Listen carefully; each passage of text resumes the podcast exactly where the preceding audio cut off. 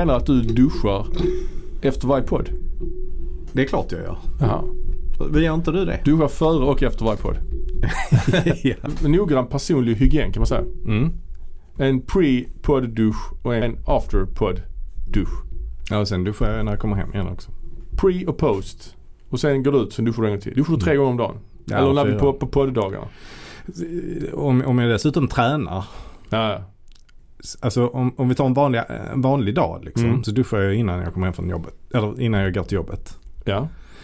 Eh, och sen sticker jag hem.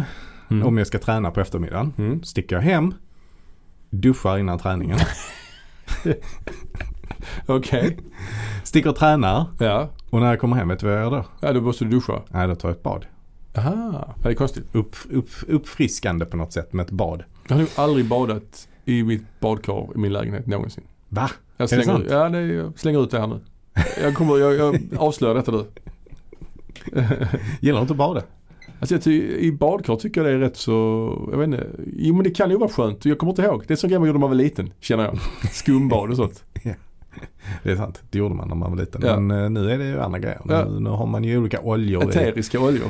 Eteriska oljor. En badbomb kan man också Har ha man i. det? Doftljus. Doftljus. Så blomblad. precis. Potpurri. Mm.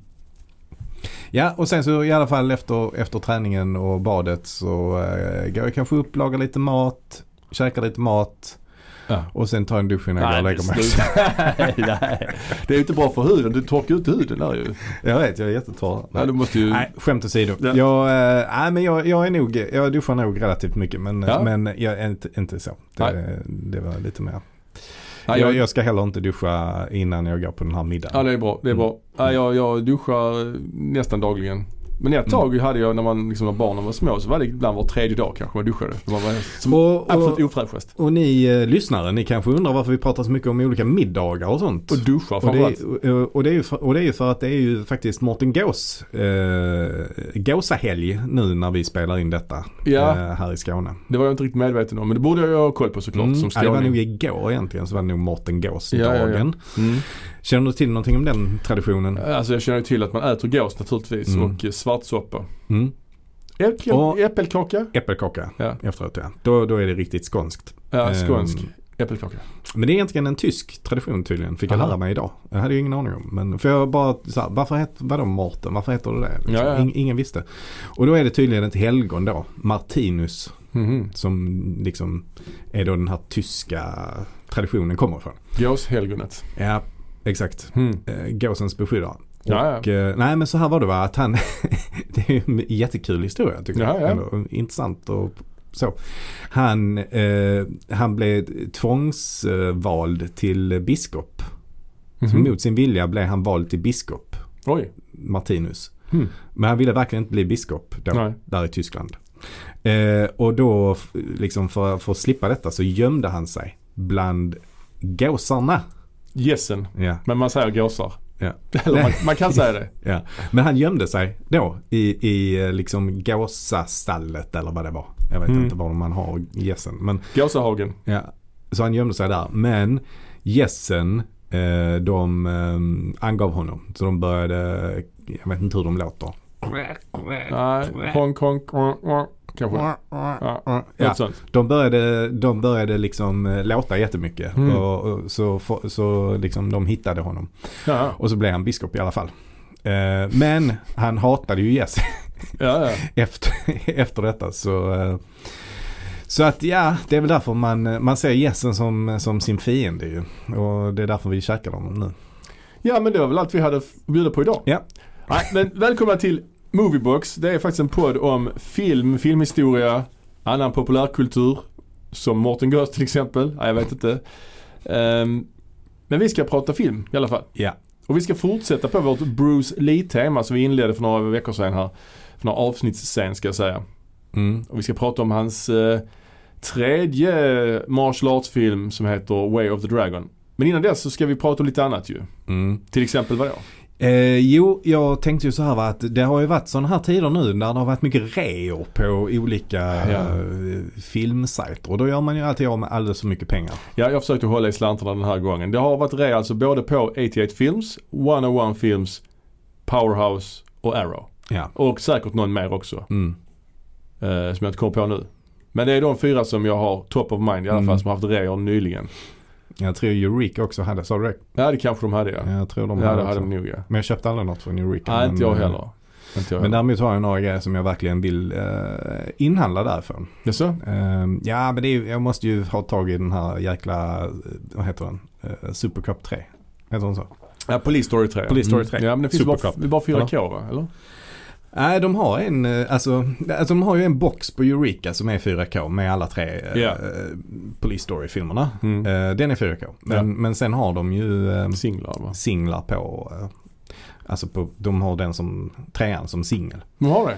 Ja, som Okej. inte är 4K. Eh, så det är, den jag, det är den jag tänker mig. Men Sen finns den också, finns också den boxen finns också på 88 Films men den får bara säljas i USA. Hmm. Så det antar jag är för att Eureka har rättigheten att sälja den i Europa. Men Ja. det är lite, det är lite störigt. Jag hade ju gärna haft hela boxen samlat på något sätt. Men, Ja, eh, för jag, det större är också att jag har ju ettan och tvåan i en eh, box typ. Mm, Då har jag också en sån fattig Jackie Chan-box. Ja, min är inte så fattig. Ja, du har är- Eurekas? Ja, det ja, är, ja, jag har ju sån fattig ja. svennebanan-box. Mm. Ja, men beställde du någonting från- från 88 den här gången? Jag menar sist, eller här, här om sisten så berättade du om en vansinnesbeställning som tog en väldigt lång tid. Men har du gjort en ny, du har gjort en ny beställning nu? Jag har gjort en ny beställning nu. Ja.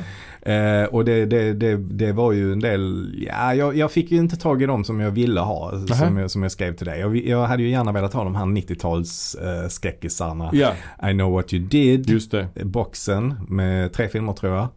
Ja, Eh, minst. Och Urban Legend och va? Urban ja. Legends. Ja, de vill jag också. Mm. Mm, de hade ju varit roliga. Eh, även om jag inte minns att jag gillade dem särskilt mycket när de kom. Urban Legends var nog helt okej Jag ändå, minns va? ingenting av den. Jag minns I know what you did last summer så jag på bio när den kom. Mm. Minns jag. Ty- vad tyckte du om den? då? Jag Tyckte du- minns att den var liksom, det var ju som Scream typ. Ja, det, liksom. var, väl- det, var, det kom ju en hel serie Ja. av sådana filmer då. Mer av det kan ni höra i vårt Scream-avsnitt Mm. faktiskt. Något som jag också vill säga om är ju Final Destination. Ja, alla de filmerna finns ju på Prime fast de, jag tror de försvinner därifrån snart. Ja, okej. Jag har bara sett ettan där men det finns Mm. väl sju, åtta stycken kanske. Jag vet ja, det inte. finns jäkligt många. Men Ja. i alla fall, jag köpte inte någon av dem eftersom de Nej. var slut på rean. Men Ja. däremot tog jag Anaconda-boxen Just det. med fyra filmer. Ja, varav en är känd typ. ja, Ja, det kom väl tvåan kanske gick på bio också. Det heter väl Anacondas. ja, tänker jag. Ja. Men ettan är rätt stjärnspäckad ju. Den har ju både Ja. John Voight och J Lo och eh, Ice Cube. Ice Cube ja. Ja. Någon annan till, någon till va? Eh, ja, alltså.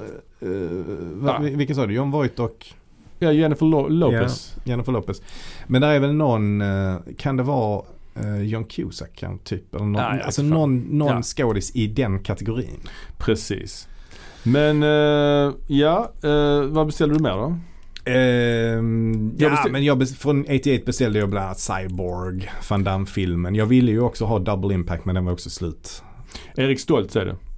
Erik Stoltz. Erik Stoltz och Ja, men, Owen Wilson också. Så det är en jävla stjärnspäckad men är inte båda de två i samma kategori som John Cusack? Ja, inte Wilson, han är ju mycket mer komisk. Ja, okej. Han är mer samma kategori som Jack Men Black. du köper ändå Stoltz och Cusack i samma kategori? du fattar vad jag menar? Oh ja, oh ja, absolut, absolut. Ja, ja, du, ja okej, du, beställde, du beställde det ja. Mm. Mm, mm.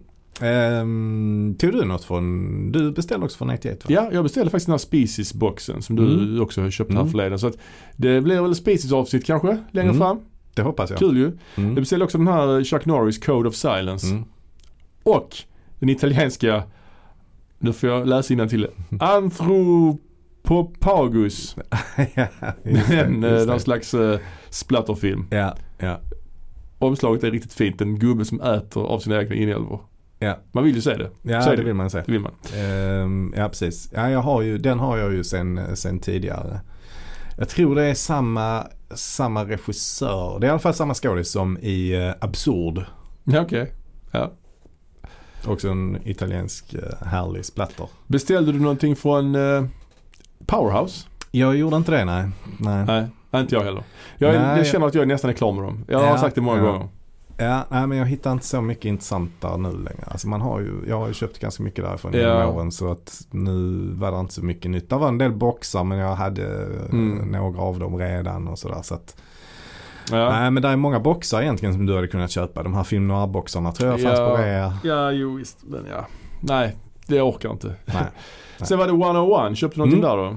Där köpte jag och jag har också sett en, Ja. en film. Men, men i alla fall jag köpte ju eh, Nolans ehm, Just det. Eh, både Memento och eh, Following. Following. Ja. Mm. Och det var inte rea på någon av dem men jag Nej. köpte ju dem ändå. Liksom. Just det. Eh, men sen hade de faktiskt en del från deras Black Label som var på rea. Just det. Ehm, och ehm, faktiskt en, en var limited edition också som de hade på rea. Och det ja. var ju den The Brain. The Brain. Det blir intressant att se. Ja.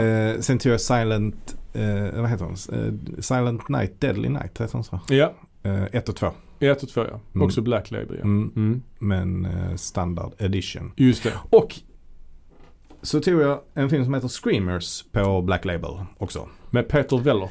Med Peter Weller ja, Mm. precis. Ehm, och ehm, ja men det är kul, att det är kul att köpa filmer som man liksom inte, jag hade absolut ingen koll på den Nej. här filmen. Har du det? Nej, nej, nej. Har du nej. till den? Nej, ingenting. Men det är tidigt 90-tal gissar jag.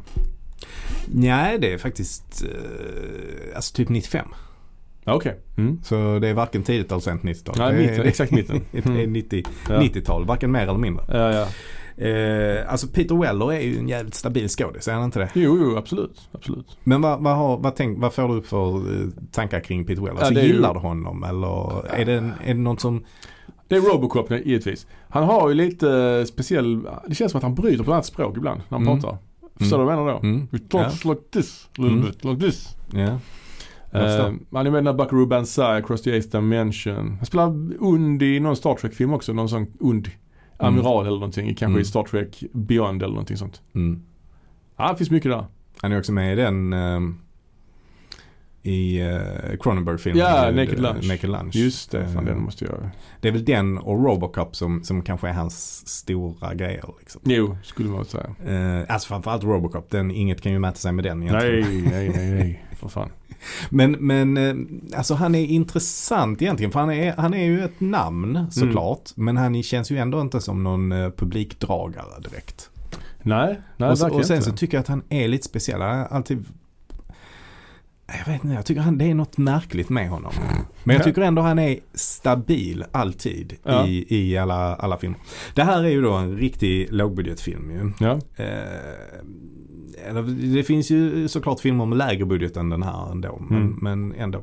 Men den är baserad på ett, eh, en bok eller en novell av eh, Philip K. Dick. jaså? Mhm. Och det intressanta här är ju också att det, det känns lite, filmen känns lite som en, ett, ett mishmash Mhm. mellan alltså Philip K. Dick-grejer. Mm. Till exempel Total Recall. Ja. Men, men även andra sci-fi grejer. Som till exempel, alltså både Terminator och Alien kan man ändå hitta lite Ja. eh, drag av Hmm. här Mm. i, i detta. Och Mm. faktiskt Battlestar Galactica också. Oj. Det är Så- bara bra grejer här ja det är bara bra grejer. Ja, precis. ja. Nej men den är, den är lite um, den är liksom som ett, som ett mishmash. Och jag tyckte faktiskt att den var förvånansvärt, eh, alltså jag gillade den ändå. Hade den, hade den här haft, hade man satsat lite mer pengar på den så hade det ändå kunnat bli en, eh, en riktigt bra grej. Men nu lider Mm. den tyvärr av att den är, den fick låg budget, inspelad i Kanada. Hmm. Det är Paul Weller som ska dra hela filmen. Peter Weller. Inte Paul Weller. där- Sångaren i The Jam. Exakt, han ska dra filmen. Ja. Eh, och, och han får liksom inte så mycket hjälp av eh, sina medskådespelare för de Nej. är riktigt kassa. Mm. Men det är faktiskt en, en, en skådis som du, som du kanske vet vem det är. Ja. Eh, vi ska se här vad hon heter. Eh, hon heter alltså Jennifer Rubin. Vet du vem det är? ja, det vet jag ju. Mm? Uh, givetvis. Jennifer Rubin. Det är ju hon som spelar en av The Dream Warriors i Night on Elm Street 3. Ja, det är väl det hon är mest känd för kanske. Ja.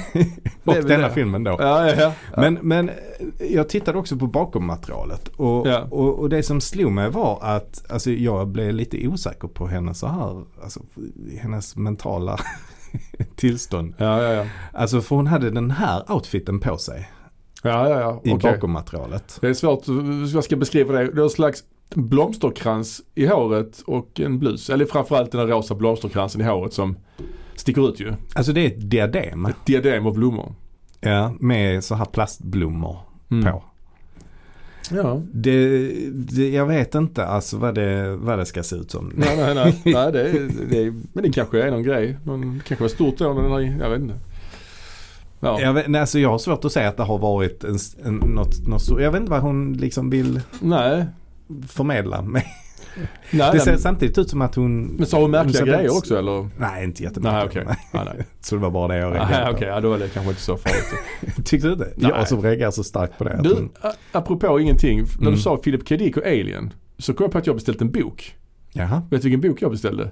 Jag beställde William Gibsons manus till Alien 3 Aha. som bok.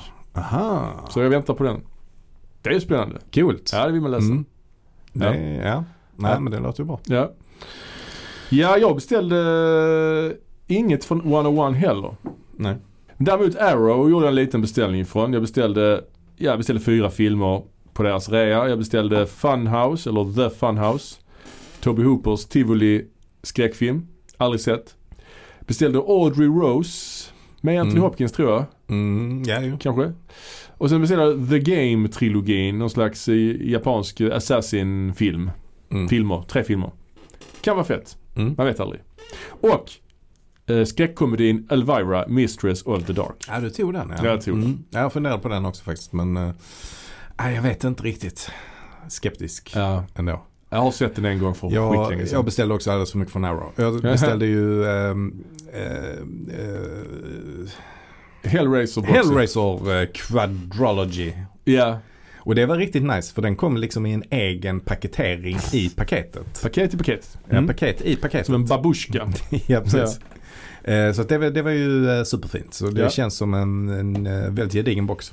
Ja. Eh, ja, jag tog också Game- Game-trilogin och jag tog Ja. också eh, Street Fighter-boxen med eh, Sonny Chiba. Just det, just det. Ja, det är fint ju. Mm.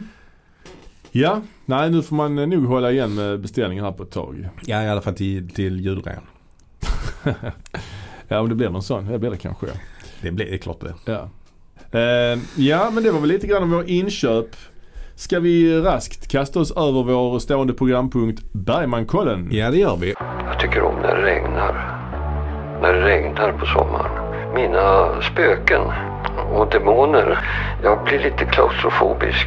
Bergmankollen, det är vårt nyårslöfte då som börjar närma sig sitt slut nu här faktiskt. Vi har lovat oss själva och er lyssnare naturligtvis att vi ska ta oss igenom hela Ingmar Bergmans Cinema-boxen som Criterion gav ut för några år sedan. Som innehåller knappt 40 filmer och eh, är kurerad i en viss ordning. Och nu har vi kommit in i den delen av boxen som kallas för Centerpiece 3. Och den inleds med en av Bergmans mest kända, mest hyllade filmer. Kanske hans mest experimentella film. Persona Mm. från 1966. Och eh, ja, har du sett den här förr? Den har jag sett för. Ja, det har man ju gjort. Ja. Ehm, nej men den, eh, jag har ju pluggat uh, filmvetenskap en gång i tiden. Jag vet, jag var med. Jag gjorde också det. Var du också med Ja, jag var också med där. okej. Vi gick samma, Mm. samma grupp. Ja just det, Samma grupp. det. Mm. Ja. Ja. men då eh, minns jag att eh, vi fick se den. Ja, det fick vi kanske. Nej, jag gillade den då i alla fall. När jag såg den första gången. Uh, Jag har inte sett den tidigare än det. Eh, jag gillar den eh, väldigt mycket. Mm. Mycket också för att man, alltså man fick, man fick då när vi såg den så hade vi pratat om den innan har jag för Mm. mig och man fick liksom en kontext till den med eh, franska nya vågen och sådär. Vad, vad, vad som hände då med, med, med, med film helt enkelt. Ja. Hur, hur de förändrade det och, och Ja. även lite tidigare med neorealism Ja, från. Italien. Detta är ju lite grann Bergmans eh, liksom version av nya vågen. Eller Mm. alltså lite grann att nya vågen tog sig in i finrummet. Att han inspirerades av något som inspirerats av honom på något sätt. Mm. Kan man väl Mm. säga. Och den är ju en väldigt speciellt berättad film. Storyn i sig är ju väldigt eh, enkel egentligen. Det handlar ju om en skådespelerska, Elisabeth Fågler, återigen de här Återigen namnen. fåglar. Ja. som då helt plötsligt slutar prata mitt under för en föreställning. Och hon ska då eh, få behandling av en sjuksköterska som heter Alma. Mm. Och Fågler spelas ju av Liv Ullmann och Alma spelas av Bibi Andersson. Och de begär sig då till ett sommarhus på Fårö givetvis. Där hon då ska få behandling. Hon ska försöka få henne att börja prata igen. Och resultatet blir ju istället att Alma då istället börjar öppna upp sig och avslöja saker om sig själv istället. Mm. för den här tysta kvinnan. Och det här är en film som har analyserats av många akademiker. Mm. Eh, Och det finns ju mycket att läsa in här ju Mm. såklart. Eh, Det här med dubbel identitet och vissa hävdar att det är lite en vampyrhistoria. Att hon, den tysta kvinnan suger ut energi ur den andra kvinnan och att de sen mergas och blir rätt. Mm. Finns mycket. Eh, Jag har sett den också många gånger som sagt. Lik, jag har likt dig sett den ett par gånger tidigare. Och den inleds ju väldigt speciellt ju med någon konstig bilddikt har väl Bergman kallat det för. Ja, som ändå pågår ganska länge också. Den är lång, Alltså nästan 10 minuter tror jag. Mm. Den var ju, den var ju censurerad när den släpptes eh, på Var den 60-talet. det? Ja, där, var, Okej. där är ju en Ja. snabb eh, frame med en erigerad penis. Ja, ja, Den är tillbaka nu ju. ja. Så ja den- den, var borttagen Jag alltså. tror det. Jag tror det. Ja, de, okej. de har lagt tillbaka den igen. Så de hade ju nypremiär med så här uncensored version. Okej. Eller den inleds ju först med att det är en gammaldags här filmprojektor som startar. Som gör känslan att "Ah, det här är en film vi ska se nu. Mm. Och så kommer den här konstiga bilddikten med dels det här eh, penisen och en Mm. Jesus blir korsfäst. Ett, ett får blir uh, uppstyckat eller vad man säger liksom inälvor och man dränerar blod. Och, Och alla de grejerna på något sätt, men det, är, det är ganska mycket sexualitet i den här dikten. Mm, Alltså den eh, filmprojekt, den första bilden man får se, filmprojektorn. mm. Den ser också ganska fallisk ut på något sätt. Ja, om ja. du har tänkt på det. Den, Mm. den har också exakt samma, den är också exakt liksom placerad på samma sätt som penisen är. ja. Ehm, ja, Ja, och, och sen då det här kötsliga med, med fåret som slaktas. Det, det, det, det, finns ju också någon form av eh, perverterad sexualitet i det. mm, kanske det. Mm. Så att mycket, mycket av det där handlar ju ändå om sexualitet. I alla fall vad jag, vad jag, kan, vad jag kan se. Men jag tycker ändå det rimmar ganska, det hänger liksom inte riktigt ihop med resten av filmen. Eh, alltså det är För ju, mig. Det är ju en Jag vet del- vad du tycker. Ja, det är ju, jag har inte riktigt tänkt så mycket på sexualitet i, i den för, här bilddikten. Uh, Ja, vad menar han annars med att lägga in en penis? Nej det vet jag inte. Faktiskt. Nej. Men sen är det ju en liten pojke som vaknar i sängen och sen har den den här ikoniska bilden så att säga Mm. som är på omslaget på boxen Mm. när han smeker det här ansiktet som är Mm. projicerat på väggen då som är Liv Ullmans ansikte som blir Bibi Anderssons ansikte och så vidare. Sen är det snabba klipp från nyhetssändningar med den här klassiska den här munken i Vietnam som Mm. bränner upp sig själv. Rage Against the Machine-omslaget. Mm. Ja, jag vet inte hur jag ska tolka det här. Jag kan ibland, och så är det en bild på en eh, sån här fågelspindel också som kryper. Just det. Och en död gammal kvinna på ett bårhus. Det finns Mm. mycket här och massa träd. Ibland känns det som att det är weird for weirdness sake lite grann. Mm. Men eh, det är ju, och musiken är också väldigt experimentell. Det är ju inte alls, eh, det är ju inte Bach här utan han har någon konstig percussion. Trummor liksom Mm. och Mm. så här. Ja, precis. Nej, men det, det, den innehåller väl olika, olika grejer som är sådana här, vad ska man säga, primalkänslor. Mm, Alltså så, mm. skräck, sexualitet, äckel. Alltså spindeln är ju ändå någon form av skräck ju. Mm. Mm. Måste det ju vara. Ja, ja, ja. Och men sen efter det här så blev filmen något annat. Mm. Såklart. Mm. Så då blir det ju liksom, då känns det nästan som tv-teater. Mm. Väldigt så stelt skådespeleri. Mar- Margareta Krook är med som Bibis chef. Som ger henne det här Och det är väl uppdraget. hennes enda Bergman eh, framträdande va? Ja, eh, men, kanske. Eller är hon med i någonting mer? Oklart. Jag tycker det är alltid konstigt att hon bara är med i den. Ja. Om det är så. Om det nu är så ja. Ja, kanske. Alltså jag har för mig, jag kan inte komma på att hon är med i något annat liksom. Jag, nej men jag tycker hon borde varit med i fler Bergman-grejer liksom. Ja, och det är väldigt märkligt sen för det är väldigt konstigt klippt. Mellan Mm. henne och Bibi. Den här dialogen är väldigt yxig och väldigt flippigt klipp. Mm. När man byter, eh, byter bild liksom Mm. i, i dialogen. Eh, men det känns väldigt kuliss liksom allting. Mm. Sjukhusrummen. Och man ser inte Margareta Krook ibland. Man bara Nej. hör henne. Mm. Det är också konstigt att man inte visar henne när hon pratar, när det är en dialog och sånt. Väldigt konstigt. Och så är det där Bibi Andersson pratar med sig själv när hon ska gå och lägga sig sen. Mm. Pratar ut till ingen. Lite konstigt. Mm. Mm. Ja det är det. Ja men eh, alla de här, all, all den här experimentlustan kom ju eh, Mm. Alltså var, det var ju inspirerat av eh, franska nya vågen. Liksom. Ja. Och att han väl var lite grann i ett vägskäl i sin karriär. Mm. Efter att ha haft stora framgångar i början på 60-talet. Ja. Till att försöka hitta något nytt och misslyckats kapitalt med filmen som han gjorde innan. Just Den det. här färgfilmen där han experimenterade med färg. För att inte tala om alla dessa kvinnor. Exakt. Ja, den eh, var en riktig blindgångare. Ja, i det arsenalen. man, det får man säga. Ja. Och nu återgår han här till, till svartvitt. Men jag tycker nog att är detta Bergmans snyggaste film? Kanske. Det skulle jag nog eh, kunna sträcka mig till att säga. För fotot är makalöst bra tycker jag. Det är. Och Ehm. inte bara fotot också skulle jag säga att kanske det är hans mest för att, jag vet inte om detta ens är ett ord, modeikoniska film. ja men det här liksom Bibi Andersson där i sin svarta polotröja med det här korta ljusa håret. Alltså det känns Mm. lite så här verkligen, det här skulle kunna bl- bli modernt snart igen. Liksom, som, liksom Mm. eh, jag skulle insp- in- kunna inspirera någon höstkollektion någonstans. Mm. Ehm, Sen är den ju eh, liksom sprängfylld av de olika bilder då på de här två, Bibi och Liv. mm. Där man ser deras ansikten. Men om, om vi tar till exempel Bibi kanske man ser från profil. Medan man då ser eh, Liv eh, rakt framifrån men Mm. bakom. Så att deras ansikten på något sätt Möts ja. skär in i varandra och Mm. möts. ja. Det Eh, det, det har man ju sett. Det har man ju sett i andra Bergman-filmer också. Ja.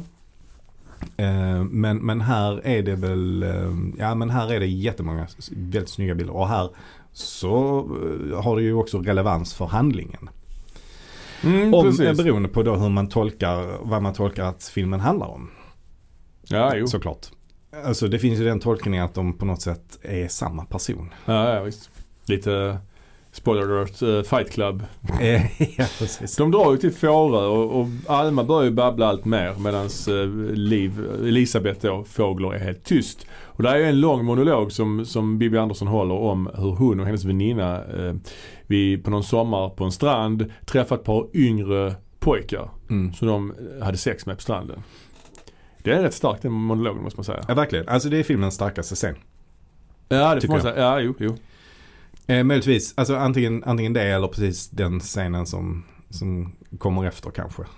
Eh, Vilket är det?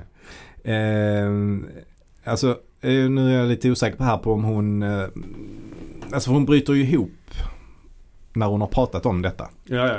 Mm. Och får, får liksom ångest över det, det som har hänt. Att hon bara lät sig ryckas med i den situationen. Alltså man kan ändå Mm. relatera lite till det. Mm. Mm. Ja men att man eh, rycks med i en situation och gör någonting som man kanske inte vill göra egentligen. Nej, Men- och ånger, ångest. och få Ja. ånger från det. Ja. Det, är ju, det är ju väldigt starkt här i denna. Verkligen, film. verkligen. Ja, Bibi Anderssons eh, prestation här måste vara topp 10 svenska skådespelares prestationer någonsin. Mm. Jag slänger, Mm. ur den. Mm. Nu, har jag, nu har jag inte de andra nio på rak arm men jag säger det så jag har inte sagt för mycket. Ja. Ehm, sen är det ju också så att hon hittar ju brev som, som Fågler har skrivit sin man. Där Mm. hon lite grann nedvärderar den här eh, sjuksystern. Att hon tycker hon är intressant att studera. Att, att Mm. hon berättar om den här historien för sin man i brevform. Och då blir det ju en konflikt dem emellan. Mm. Och eh, liksom eh, syster Alma då, Bibi Andersson har, tappar en glasskärva på marken Mm. och hon tar inte bort den för hon vill se ifall hon trampar på den. För på så sätt kanske få henne att börja prata rent av. Mm. Och det är väl lite grann att hon gör någon form av ljud i smärtan hon trampar på. Ja det gör hon. Det Ja. gör hon. Absolut. Och hon pratar ju även eh, vid något eh, tillfälle eh, tidigare också. När hon viskar. Det tycker jag är väldigt stämningsfullt. Ja, ja. När hon viskar. Ehm, för att Bibi, Bibi har, de, de ska liksom typ ja. lägga sig eller någonting sånt där. Och, Ja. så, och så bara babblar Bibi. om, om, det kanske är när hon berättar den här grejen. Mm. Ehm, och så ble- eh, blir hon väldigt trött och håller på att somna typ på ett bord. Ja, ja. Eh, Mm. och då, då viskar Liv. Eh, nu får du gå in och lägga dig annars eh, somnar du här på bordet. Ja, okej, okej. Jag har aldrig hört det att hon säger det, men det gör hon kanske. Ja, ja nej, men så, så är det. Det tycker jag är väldigt, för det kom, då, då ser man inte heller att hon pratar utan man bara hör den viskningen. Och det känns ju spöklikt på Mm, något sätt. mm. Alltså det är väldigt uh, finstämt. Men efter glasskärvescenen då händer någonting väldigt meta också. Då brinner ju filmen upp ju. Mm. Som, en, Mm. som du har gjort, gör ibland, gjorde ibland förr på biograferna. Ja. Ja. Jag har faktiskt varit med om det en gång på en bio. Har? För länge, länge sedan att filmen brann upp så man fick avbryta och fixa den liksom. Jaha. Jag kommer inte ihåg vilken film det var. Det kan ha varit eh, filmen The Bodyguard. Men det kanske inte var det. Okej. Jag vet inte. Men det händer. Efter det så ändrar filmen lite karaktär. Mm. Det börjar hända lite eh, konstiga saker. Till exempel att det är någon sekvens där, där Ullmans man kommer dit. Spelas av Gunnar Björnstrand. Mm. Och han eh, liksom har en dialog då med Bibi Andersson istället. Eller nå, liksom. Som att Bibi Ja. är liv. Denna scenen är kanske inte min favoritscen i filmen. Nej. Jag hade, jag hade föredragit om han inte hade varit med faktiskt. Jag gillar att Mm. det bara är de två. Mm. Men ja, om jag ska säga någonting jag inte är så glad för så är det kanske detta. Mm. Och sen är det ju liksom väldigt speciellt. Man hör ju en eh, en monolog om Liv Ullman, K- Elisabeth Fåglers hat mot sitt barn hon har fött. Mm. Och den monologen får man ju höra två gånger. Mm. En gång från Bibi som om det var i Liv Ullmans huvud och en gång att Bibi verkligen säger det till Mm. Liv Ullman. Och det är liksom kanske en symbol för deras personlighet har glidit samman eller någonting sånt liksom. Mm. Ja precis. Ja nej men det, det är häftigt tycker jag. Ja. Jag diggar det. Det är coolt, coolt gjort. Man blev ju lite chockad först för att, bara, "Vä- vänta nu, vad hände nu? alltså hoppade, hoppade Blu-rayn tillbaka ett hack? Ja, så ja, jag får se alltihopa igen, eller vad hände nu? Och sen blir det ju en liten fight också dem emellan. De slåss och Liv Mm. Ullman suger verkligen liksom blod ur, ur Bibi Mm. Anderssons arm är det va? Mm. Ja det är starka grejer. Sen ska hon nog hälla kokande vatten på henne. Då säger hon äntligen låt bli. ja. Men vad tycker du om Livs eh, insats i den här filmen då? Ja. Jag, jag tänker mig så här att du tycker väl att hon aldrig har varit bättre eftersom hon inte har så mycket dialog. Ja, ja det är exakt så. Exakt så. Är det så? Ja, jag, jag ville vi ska försöka, ja, men lite Du så. ska försöka säga det lite snyggare. Ja, jag vill, det känns jävla taskigt ju. Hon är ju bra liksom. Ja, det är hon. Det är hon. Men här är hon jättebra. Mm. Och hon har aldrig varit bättre. Jag har faktiskt, ska jag berätta. Jag har Detta var hennes första roll för Bergman också tror jag. Ja, kanske Mm. det var ja. ja, ja. Ja, hon fick ju med dialog sen i de andra filmerna. Den här eh, En passion och Skammen och så vidare. Mm. Viskning och rop. Så tyvärr så blir det liksom ingen uh, härmning. Jag har ju det som uh, Ja, du brukar härma Liv inslag, Ullman. att jag Ja, gillar just att härma Liv Ullman. Ja. Eh, med lite olika, vad ska man säga, resultat. Du kan istället ta eh, Bibis monolog om den här pojken som fyllde henne med säd. Alltså den är Nej. inte... ja. Nej, vi lämnar det därhän. Ja. Men eh, jag har faktiskt intressant nog sett den här eh, Persona som teaterpjäs också. Här, här i Malmö på, på. Intiman. Oj. Där Bergman också verkade ju under 60, eh, 50-talet ju. Mm. Han kallar ju Mm. den för eh, Lilla Bä. Gör den? Han kallar stora, stora teatern, den här stadsteatern, den som Ja. nu är operan, heter Ja. Stora Bu och det lilla för Lilla Bä. Jaha. Ja. Vad var den? Ja men han hade sådana namn på saker och ting ju. Ja. Eh, Men ja, vi såg den i alla fall, jag och mina elever. Jag frågade en elev Mm. efteråt, vad- han var dansk, vad tyckte du om den här då? Den var annorlunda. Ehm, då är det ju så att eh, det var rätt cool faktiskt. Det var, hade så vatteneffekter och sånt. Det var liksom Hon hade på sig en klänning av Var det rörliga säten? Och eh, dofter? Nej det var det inte. Men det var sprinklersystem och papperskuliss och papperskläder som smälte av vattnet och sånt. Det var rätt coolt alltså. Jaha. Shit. Och eh, sen är det så att hon som spelar Fågler hon eh, är tysk, var tysk tror jag. Mm. Och den här pjäsen spelade de sen i Tyskland också. Mm. Och vet du vad de gjorde då? Nej. Då bytte de roller med varandra. Jaha. Så hon som spelar Alma var Fågler i Tyskland och vice versa. Mhm. Det är inte bara Ja, Apropå det här med- Coolt. Coolt. personlighet. Ja. Så det var någon slags turnerande uppsättning? eller? Ja, hon som eh, spelade den svenska, hon svenskan, hon, hon är på Malmö stadsteater. Ja. Det var väldigt så meta också. De tände upp hela salongen och hon gick ut i publiken och sånt. Mm. Alltså de försökte Mm. spegla filmens meta, Mm. Metanivå genom att Mm. göra så. Liksom. Mm. Ja, det var kul. Ja. Ehm, Vem spelar Margareta Kroos roll? det var ju bara en voiceover tror jag. Mm. Jag tror, tror inte man fick se det. Nej. Nej men det är synd. Men det var länge sedan eller? Nej, detta är fem år sedan kanske. Fem år sedan? Max. Ja, okej. ja. Ja, ja men, eh, ja, men det här är en film i alla fall som onekligen bjuder in till analys. ja det gör det. som du sa, en av de snyggast fotade filmerna helt klart. Och det säger Mm. ju inte lite alltså. För det är ju många snygga filmer som Ja. Bergman. Det är det. Det är det, det, är det definitivt. Ja. Det, är- det, är ju, det är ju en grej och det har jag sagt, det har jag sagt många gånger förr va. Mm. Men när man, när man pratar om Bergman så pratar man ju aldrig, alltså man pratar ju inte lika ofta om hans stil, stilism. Nej. Men han är ju en stor stilist tycker jag. Ja, ja, ja. Oh ja.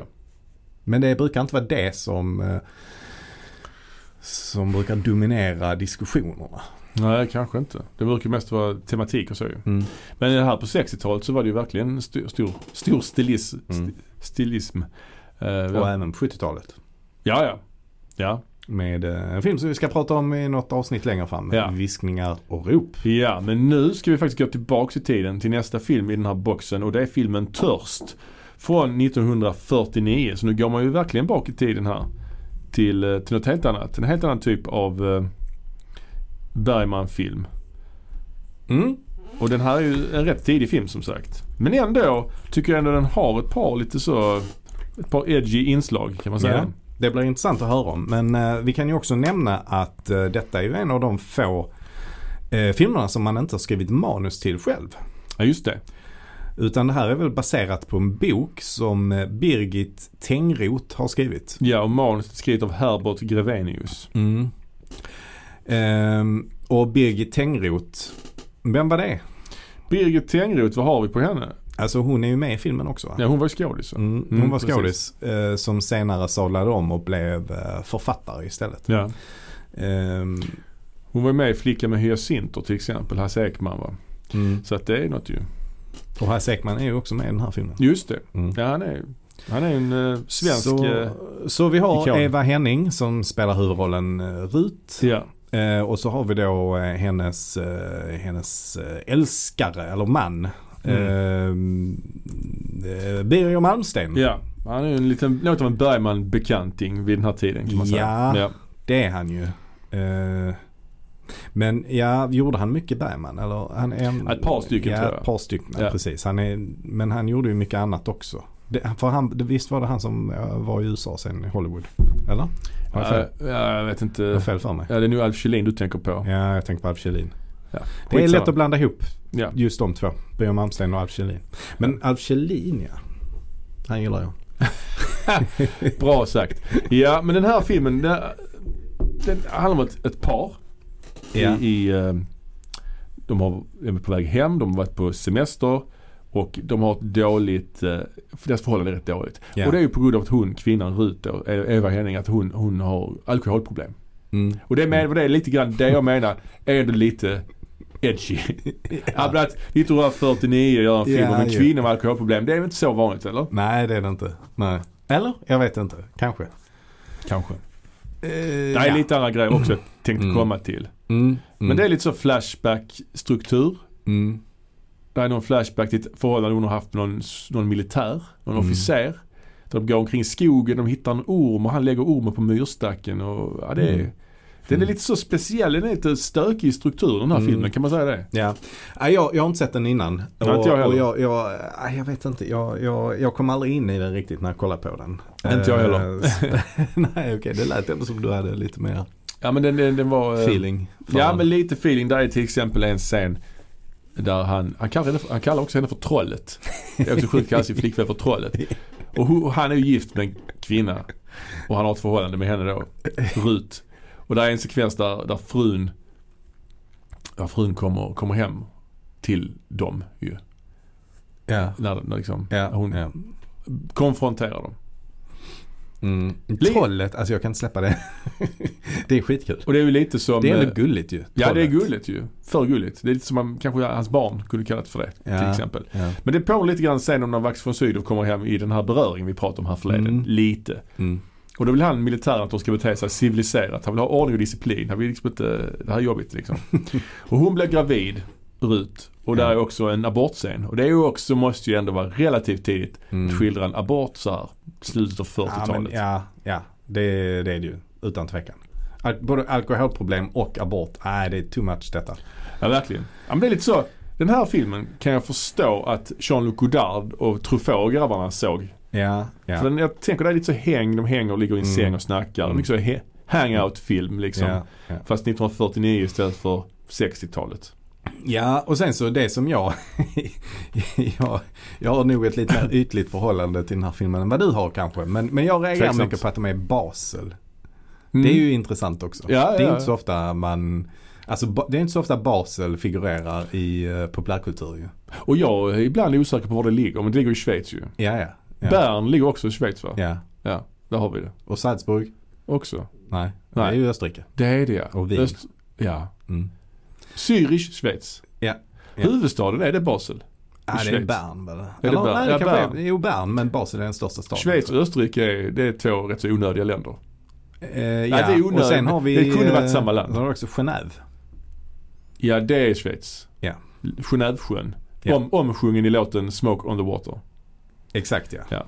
Jag var ju i Schweiz mellanlandet där ju. Kan jag berätta nu i somras. Vi var på väg till Italien. ja. Skulle ha lite mat på, på flygplatsen. Vi hade fyra timmars väntetid innan vi bytte plan. Så att vi skulle Mm, döda okej. fyra timmar ja. på Zürich flygplatsen. Ja men ni kom till Zürich i alla fall. Det Ja, vi kom till Zürich. Mm. Men det var ju mest så här Gucci-affärer och sånt. Det fanns ingen vanlig affär där de kunde handla en dricka eller en macka och så. Nej. Men det fanns ett Burger King så vi gick dit och handlade Burger King för två vuxna, två barn. Inga, Lite lökringar kanske men inget så sjukt liksom. Nej. Burger King, fyra personer. 1300 spänn. Nej, det är sant. Ja, Jesus Christ. Ja, ja. ja. Ett minne för livet. Ja, nej men man har ju hört det att alltså, det är så fruktansvärt dyrt. Ja. Och eh, särskilt att bo, alltså bostäder är eh, Ja. svindyrt i, eh, i Schweiz. Ja. Så folk får bo i byar utanför storstäderna. Så får de pendla in och, och, om de jobbar. Hmm. Sen så bor det liksom bara så. Ja, så annat folk inne i städerna. Mm. Dricka, Eh, baroner och sånt. mm, Ja, men eh, eller sådana, ja, jag vet inte, sådana som är, är där på tillfälligt arbete och sånt Ja. kanske. Hmm. Ja, nej. VDR och VDR. VDR. Eh, ja, men Ja, den här filmen, ja som sagt utspelar sig där. Trevligt.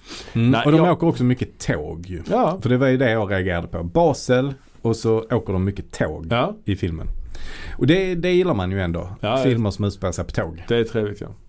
Eh, Som vilken är- Tystnaden till exempel. ja, precis. Tystnaden har vi ju. Mm. Men vad har du annars för favoritfilmer som utspelar sig på tåg? Oh, det finns många. Mot Fort Humboldt Ja. av, eh, eller av vet jag inte, men med Charles Bronson. Baserad på en bok av Alistair MacLean. Ja, ja precis. Charles Bronson. Vad heter den, vad heter den på engelska? Eh, ingen aning. Nej, men den heter inte så på engelska. Nej, okej. Den heter något Breakout, Breakout Pass eller något i den stilen heter den. Ja, ja, ja. Ja. Mm. Den är fet. Mm. Sen har vi ju såklart vissa actionscener som är Mission Impossible och sånt ju. Mm. Men ja, James, mordet, mordet på... James Bond har ju Ja. varit på tåg vid ett antal tillfällen. Ja, men den bästa tågfilmen är väl mordet på Orientexpressen av Sidney Lumet kanske. Ja, den är ju ikonisk ju. Den är up there. Eh, men det finns ju också någon Hitchcock-rulle som är väldigt Ja, känd också. Strangers on a Train. Mm. Den är bra. Men jag tänker Bond, han är ju ofta i tågkupéer, särskilt i de tidiga Bond-filmerna. Ja men ja, precis. Roger Moore där, Live and Let Die. Den slåss. tycker jag ändå ja. är en av de eh, coolaste eh, Mm. scenerna. Ja. Eh, när han, där är ju en sån bad guy som har en sån kniparm eller Ja, någonting. ja. Kniptång Ja, istället visst. för hand. ja, det är riktigt bra. Bra. Ja precis, och så fastnar han i någon vajer. Ja, han klipper av den och sen så hotar ut genom fönstret eller Ja, någonting. ja. Men så finns ju han också, han voodoo-gubben. Mm. Han sitter ju Mm. bak på tåget i slutet som en sån twist. Ja just det. Det är också jävligt Det är konstigt. jättekonstigt. Det är ett ja. obond. Ja. Ja, nu glider vi ifrån i ämnet. Men Ja. jag vet inte om vi ska glida tillbaka heller. Vi kan väl säga att den här Mm. filmen Törst. Jag vill ju bara i alla fall säga Snowpiercer också. En ah, bra tågfilm. mycket bra Mm. film. Mm. Inte lika bra tv-serie. Nej. Finns vi ett avsnitt om också Mm. faktiskt. Mm. Men ja, ja, men filmen Törst då. Det, var, Mm. det, det är inte så mycket mer att säga om den. En helt okej Bergman-film. En tidig film där man ser ändå vart han är på väg i sin, sin Mm. karriär, sin tematik. Lite, Absolut, Liksom, ja. ja. Nej det är väl kanske inte, jag, jag lägger inte den särskilt högt upp på Nej, min, på nej. min Bergman-lista i alla Ja, fall. och vi kommer ju göra, vi kommer sammanföra våra båda Bergman-listor i slutet av året och göra en definitiv Bergman-lista. Med vissa eh, restriktioner för vi har ju inte, sett- kommer ju inte ha sett alla, exakt alla Bergman-filmer. Utan Nej. bara alla i boxen. Mm. Han har ju faktiskt gjort några Mm. filmer utöver boxen. Men det, det skiter vi i den här Mm. gången. Det har vi inte tid med. Nej precis. Ska vi då gå vidare till eh, avsnittets eh, nästa film.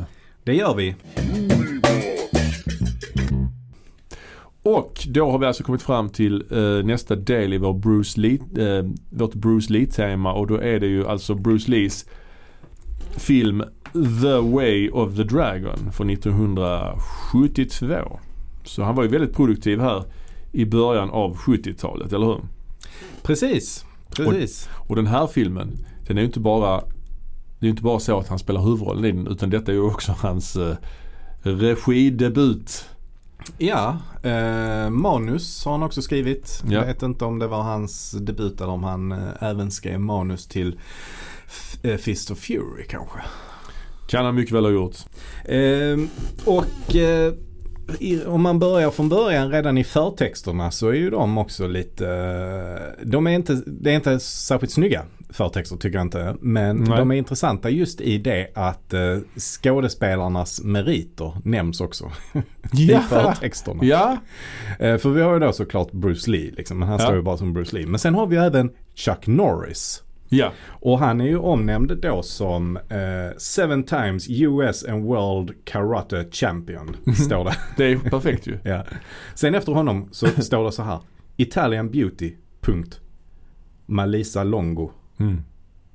Och sen efter det har vi då Robert Wall.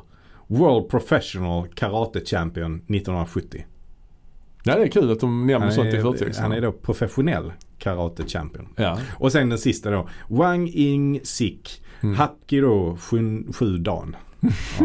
Ja. Eh, så det, är- det är ju intressant att de får sådana meriter i... eh, Verkligen. Det, det, bruk, det är ovanligt. Ett ovanligt grepp kan man säga. Ja, Men, men det hjälper ju onekligen till att sälja in det. Alltså Chuck Norris var kanske inte superkänd när han gjorde denna. eh, eh, Utanför martial arts eh, aficionadosarna. Liksom. Ja det var ett eh, Och den här filmen kan vi säga också hade en budget på 130 000 dollar och spelade in 130 miljoner. Djävulen! Så den gick alltså tusen gånger pengarna. Fick de in på den här filmen. Det är Så det är en hit. jävla bra alltså. En stor Ja, hit. ja. Superhit. Men, men den släpptes inte i USA direkt tror jag. Utan eh, den släpptes i USA som eh, Return of the Dragon. Och den släpptes alltså efter Enter the Dragon ja, i ja. USA. ja det är lite konstigt ibland hur det blir ju. Där, de bytte ju titel också på Big Boy så kallar det för Fists of Fury till Just exempel. Ja. Så det, det, de är lite Mm. omständiga där eh, i Mm. USA. Men den här filmen, det är alltså Bruce Lees regidebut som sagt. Manus har han skrivit också. Men den inleds ju på ett väldigt märkligt sätt för att vara en Bruce Lee-film. ja, och här tror jag att, eh, ja, jag, ja, jag vet inte hur han tänkte riktigt. Nej. Men det, det är inte en bra inledning, så kan vi, så kan vi säga. Jag kan säga att det, det, jag tycker inte det är en bra, liksom, de första akt överhuvudtaget. Alltså den inleds ju som en slags komedi ju. Ja. Han är på en flygplats och han av någon jävla anledning börjar han skrämma en liten unge som äter glass. Mm. Varför gör han det vet vi inte riktigt. Nej, det vet vi inte. Han bara gör det. Han beställer också det- soppa. Han, han går in på en restaurang och fattar inte menyn och ska beställa någonting. Det tar väldigt lång tid det här. Och så blir det då att han råkar beställa soppa. Men inte bara en soppa utan typ sju olika Alltså, sorters alltså soppa. för han pekar, alltså så här, han, han pekar så frenetiskt i menyn. Jag vill ha den här soppan och så pekar han så flera gånger så. Så får han flera. Så får han flera ja. soppor. Det är ett långsamt anslag här alltså. Ja. I filmen. Och, men, men inte bara det, sen ska han då också slabba i sig alla sopporna. Jag tycker Ja. bara det ser så jävla äckligt ut de här sopporna. Alltså. Och sen det efter är det sådana så, Campbells, eh, det, det, det står det på menyn också. Campbells soups. liksom, som Fin- riktigt fin restaurang. Ja. Och sen efter det behöver han ju tömma, tömma tarmen ju. Så, så, ja, det fattar jag inte heller. han går in på toa ju efter det. Ja. Ska, jag ska han- skita helt enkelt. det, är- det är Men han så, sätter sig på huk med Ja. båda benen. Ja men han kör ju sån asiatiskt. Vet i Asien har de, toaletter är ju ofta ett hål istället direkt på, på golvet ju. That's racist. Nej men så är det ju, så är det ju i Indien till exempel. Har de så, Är det så? oh, ja, oh det är ett hål liksom. Ja, okej. Man sitter på huk liksom. Ja. Det är inte alla som har sån här vatt, vattentoa på det sättet. Nej, jag åker ju ogärna utanför Europa. Du är ofta i Basel men annars inte längre söderut än Basel. Eh, men, men, nej, men där är det ju, är, så du tänker att han sitter på huk på, på toan liksom. För Ja. att så gör han, Ja. jo, men, men locket är ju nere. Väl? Eller? ja jag vet. Han har byxor på sig. Han har byxor på sig, det är ett problem i sig. Men det har man inte. Gör man så i Asien? Vi ska ju säga att det här, alltså nu utspelar sig alltså i Italien. Ja. Det glömde vi Mm. nämna. Detta är alltså i Europa så den inleds i Italien här ju. Mm. Eh, Eh, alltså hela inledningen här, det är ju väldigt mycket fysisk komedi. Det är ju inte mycket repliker och så. det är inte mycket martial arts heller. Nej, nej. Ingen action alls. Överhuvudtaget. Nej. Eh, men det känner jag, jag, jag får så ganska kraftiga vibbar till eh, eh, eh, fan heter han? Jackie Eh, Chan. Nej, jag får så här kraftiga, eh, tydliga vibbar till eh, Tati. Ja, när, ja, ja. när jag ser Mm. detta. Okej. Eh, Så det, det känns verkligen som att han har kollat på de här Tati-filmerna. Nu minns jag inte vad de heter. Ja men semestersabotören och Ja, kanske inte just den utan mer de här lite senare eh, Playtime. 60-tals. Ja men play, exakt, playtime. jag minns inte om han ska skita i den men det, Nej det ska han nej, inte. nej. Men, men det här med att han är på en flygplats eh, och där är en massa Mm. människor som är så uh, stilistiska eller liksom så upp, uppställda så som de är här. Mm. Alltså det påminner ganska mycket om uh, Tati. Så jag, vet- men jag Ja. vet inte heller. Det känns inte som Bruce Lee kollade på Tati-filmer direkt. Nej, det Alltså, känns jag verkligen så. inte. Tänkte mär- du- märkligt. Tänkte du också på att det var rätt oskarp bild ibland? Ja, ja, det ser för jävligt ut. ja, det är betydligt fulare foto här än till exempel Fists of Fury. Ja, ja, man ja definitivt. Men det har väl att göra med då att de är i, att de spelar in det också i, i eh, Italien.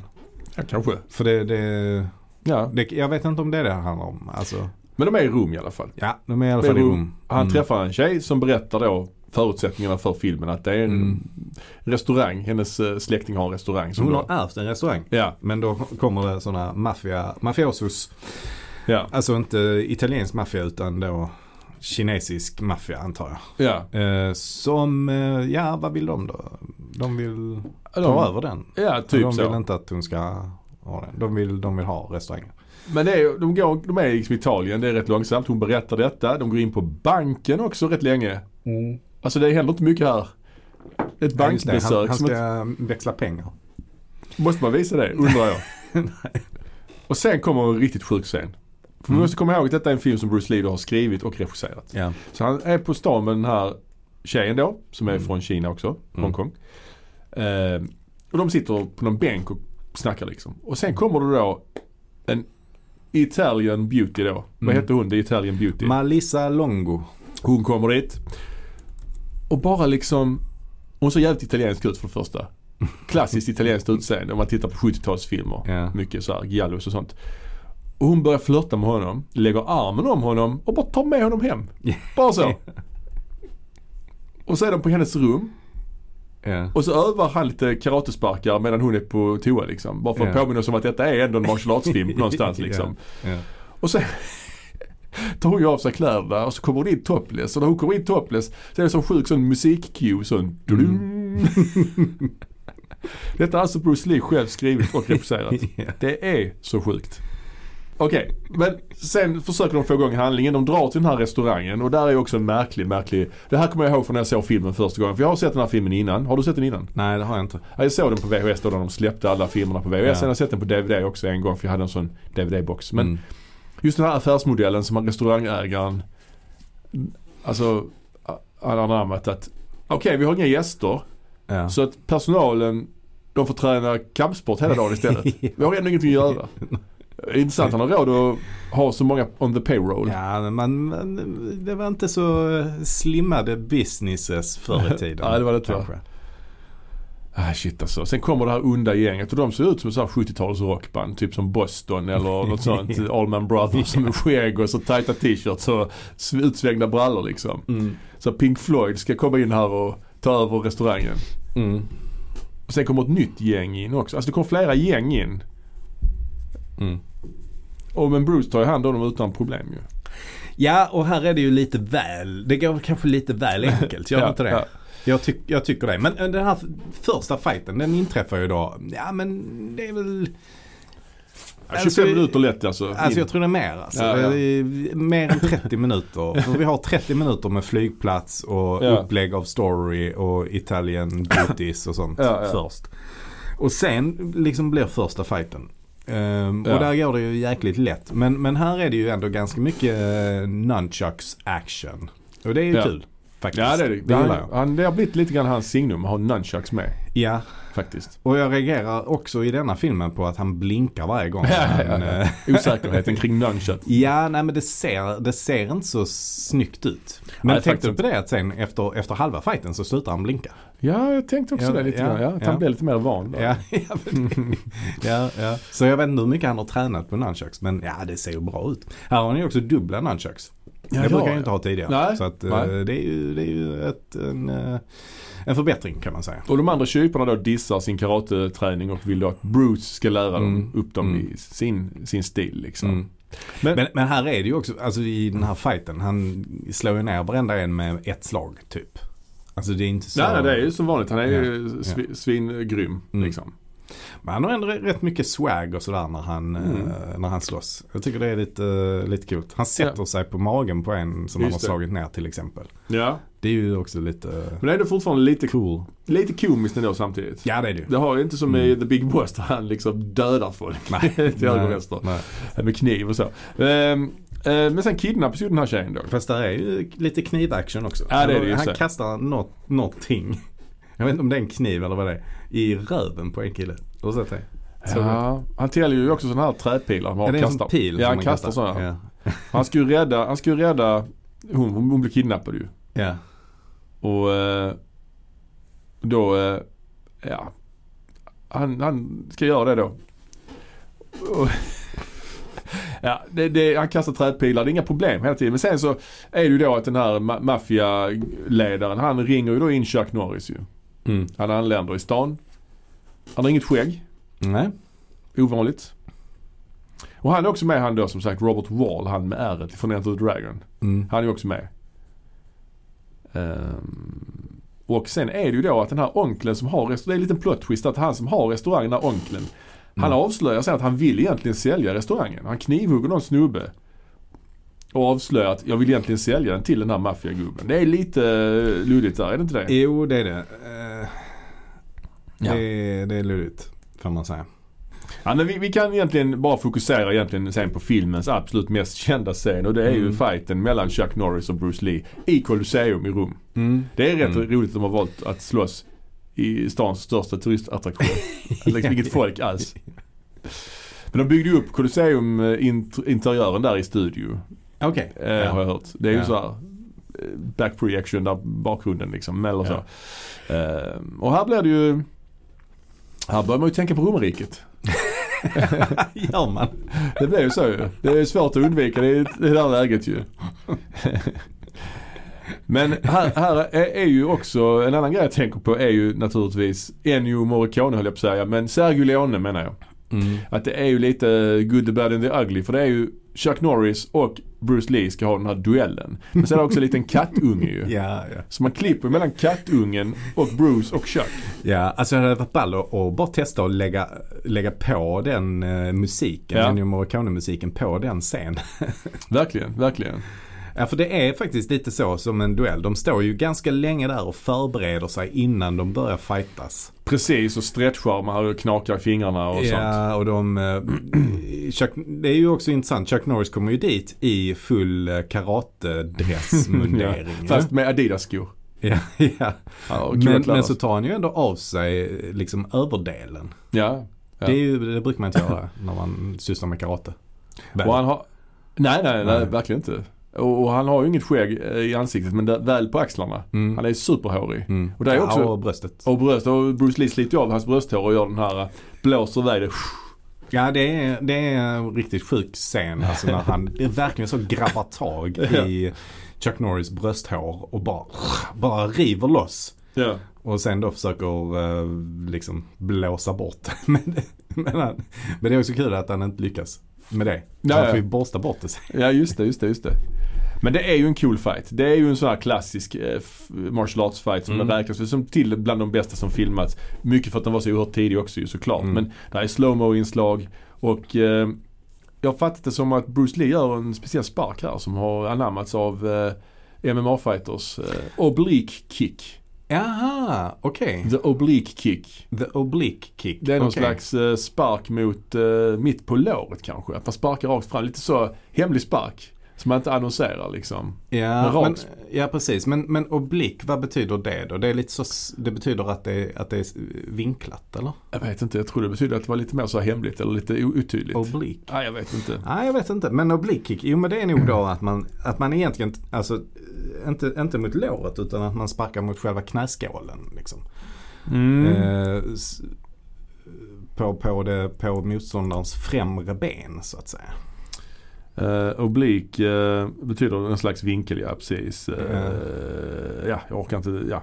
Det, Alltså, det i- finns också en muskel som kallas oblikmuskeln, tänker Ah, jag. Men ja. Alltså oblik i alla fall. Om man, om man tittar på typografins värld Mm. så finns det ju italics och då är ju bokstäverna vinklade. Just det. Men så finns det ju också oblik och då tror jag det, är det så att de är vinklade åt andra hållet då? Kanske det, kanske. Jag har för mig det är något Ja. sånt. För det är ju en term inom, det ser man ju om man till exempel öppnar Word. Fy fan vad vi gissar här nu om vad Ja. detta betyder. Ja. Men det kanske är att det är en muskel som kallas oblique muscle. Ja. Kan det vara det? Eh, ja, Ja, kanske. vi säger Men- det. men, ja, ja.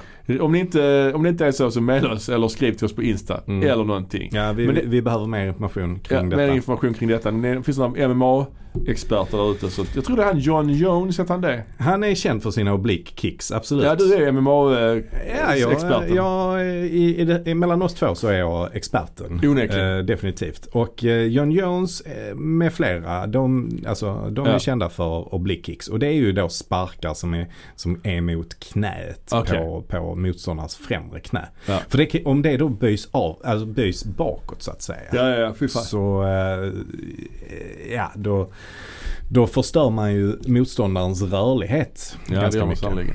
Ja men det är, det är en fet fight. Men den är lite snedvriden, alltså dramaturgiskt skevt. Alltså Bruce Lee tar över alldeles för mycket i Mm. slutet. Och Mm. liksom, det blir ju aldrig någon riktig fara på färde. Chuck är jämn i början men sen Mm. blir det bara Bruce all Ja. the way. Ja. Sen, Men jag kan ändå tycka, alltså i inledningen av fighten så tycker jag ändå den Mm. ser, fighten ser rätt så realistisk ut. Om man tittar på rörelsemönster och så liksom. ja, ja, ja. Det kanske inte är så realistiskt att, att eh, Chuck Norris skulle bara gå på med en massa höga sparkar hela tiden mot huvudet. Nej, som, man, nej, som man gör. För det är det enda han gör ju. I där, Ja. och, och eh, Bruce Lee bara förflyttar sig hela tiden. Mm, precis. Men jag tycker ändå att eh, rörelsemönster och sånt känns ändå ja, men relativt realistiskt. Alltså Ja, det är nästan något som skulle funka idag också. Ja. känns det som. ja men absolut.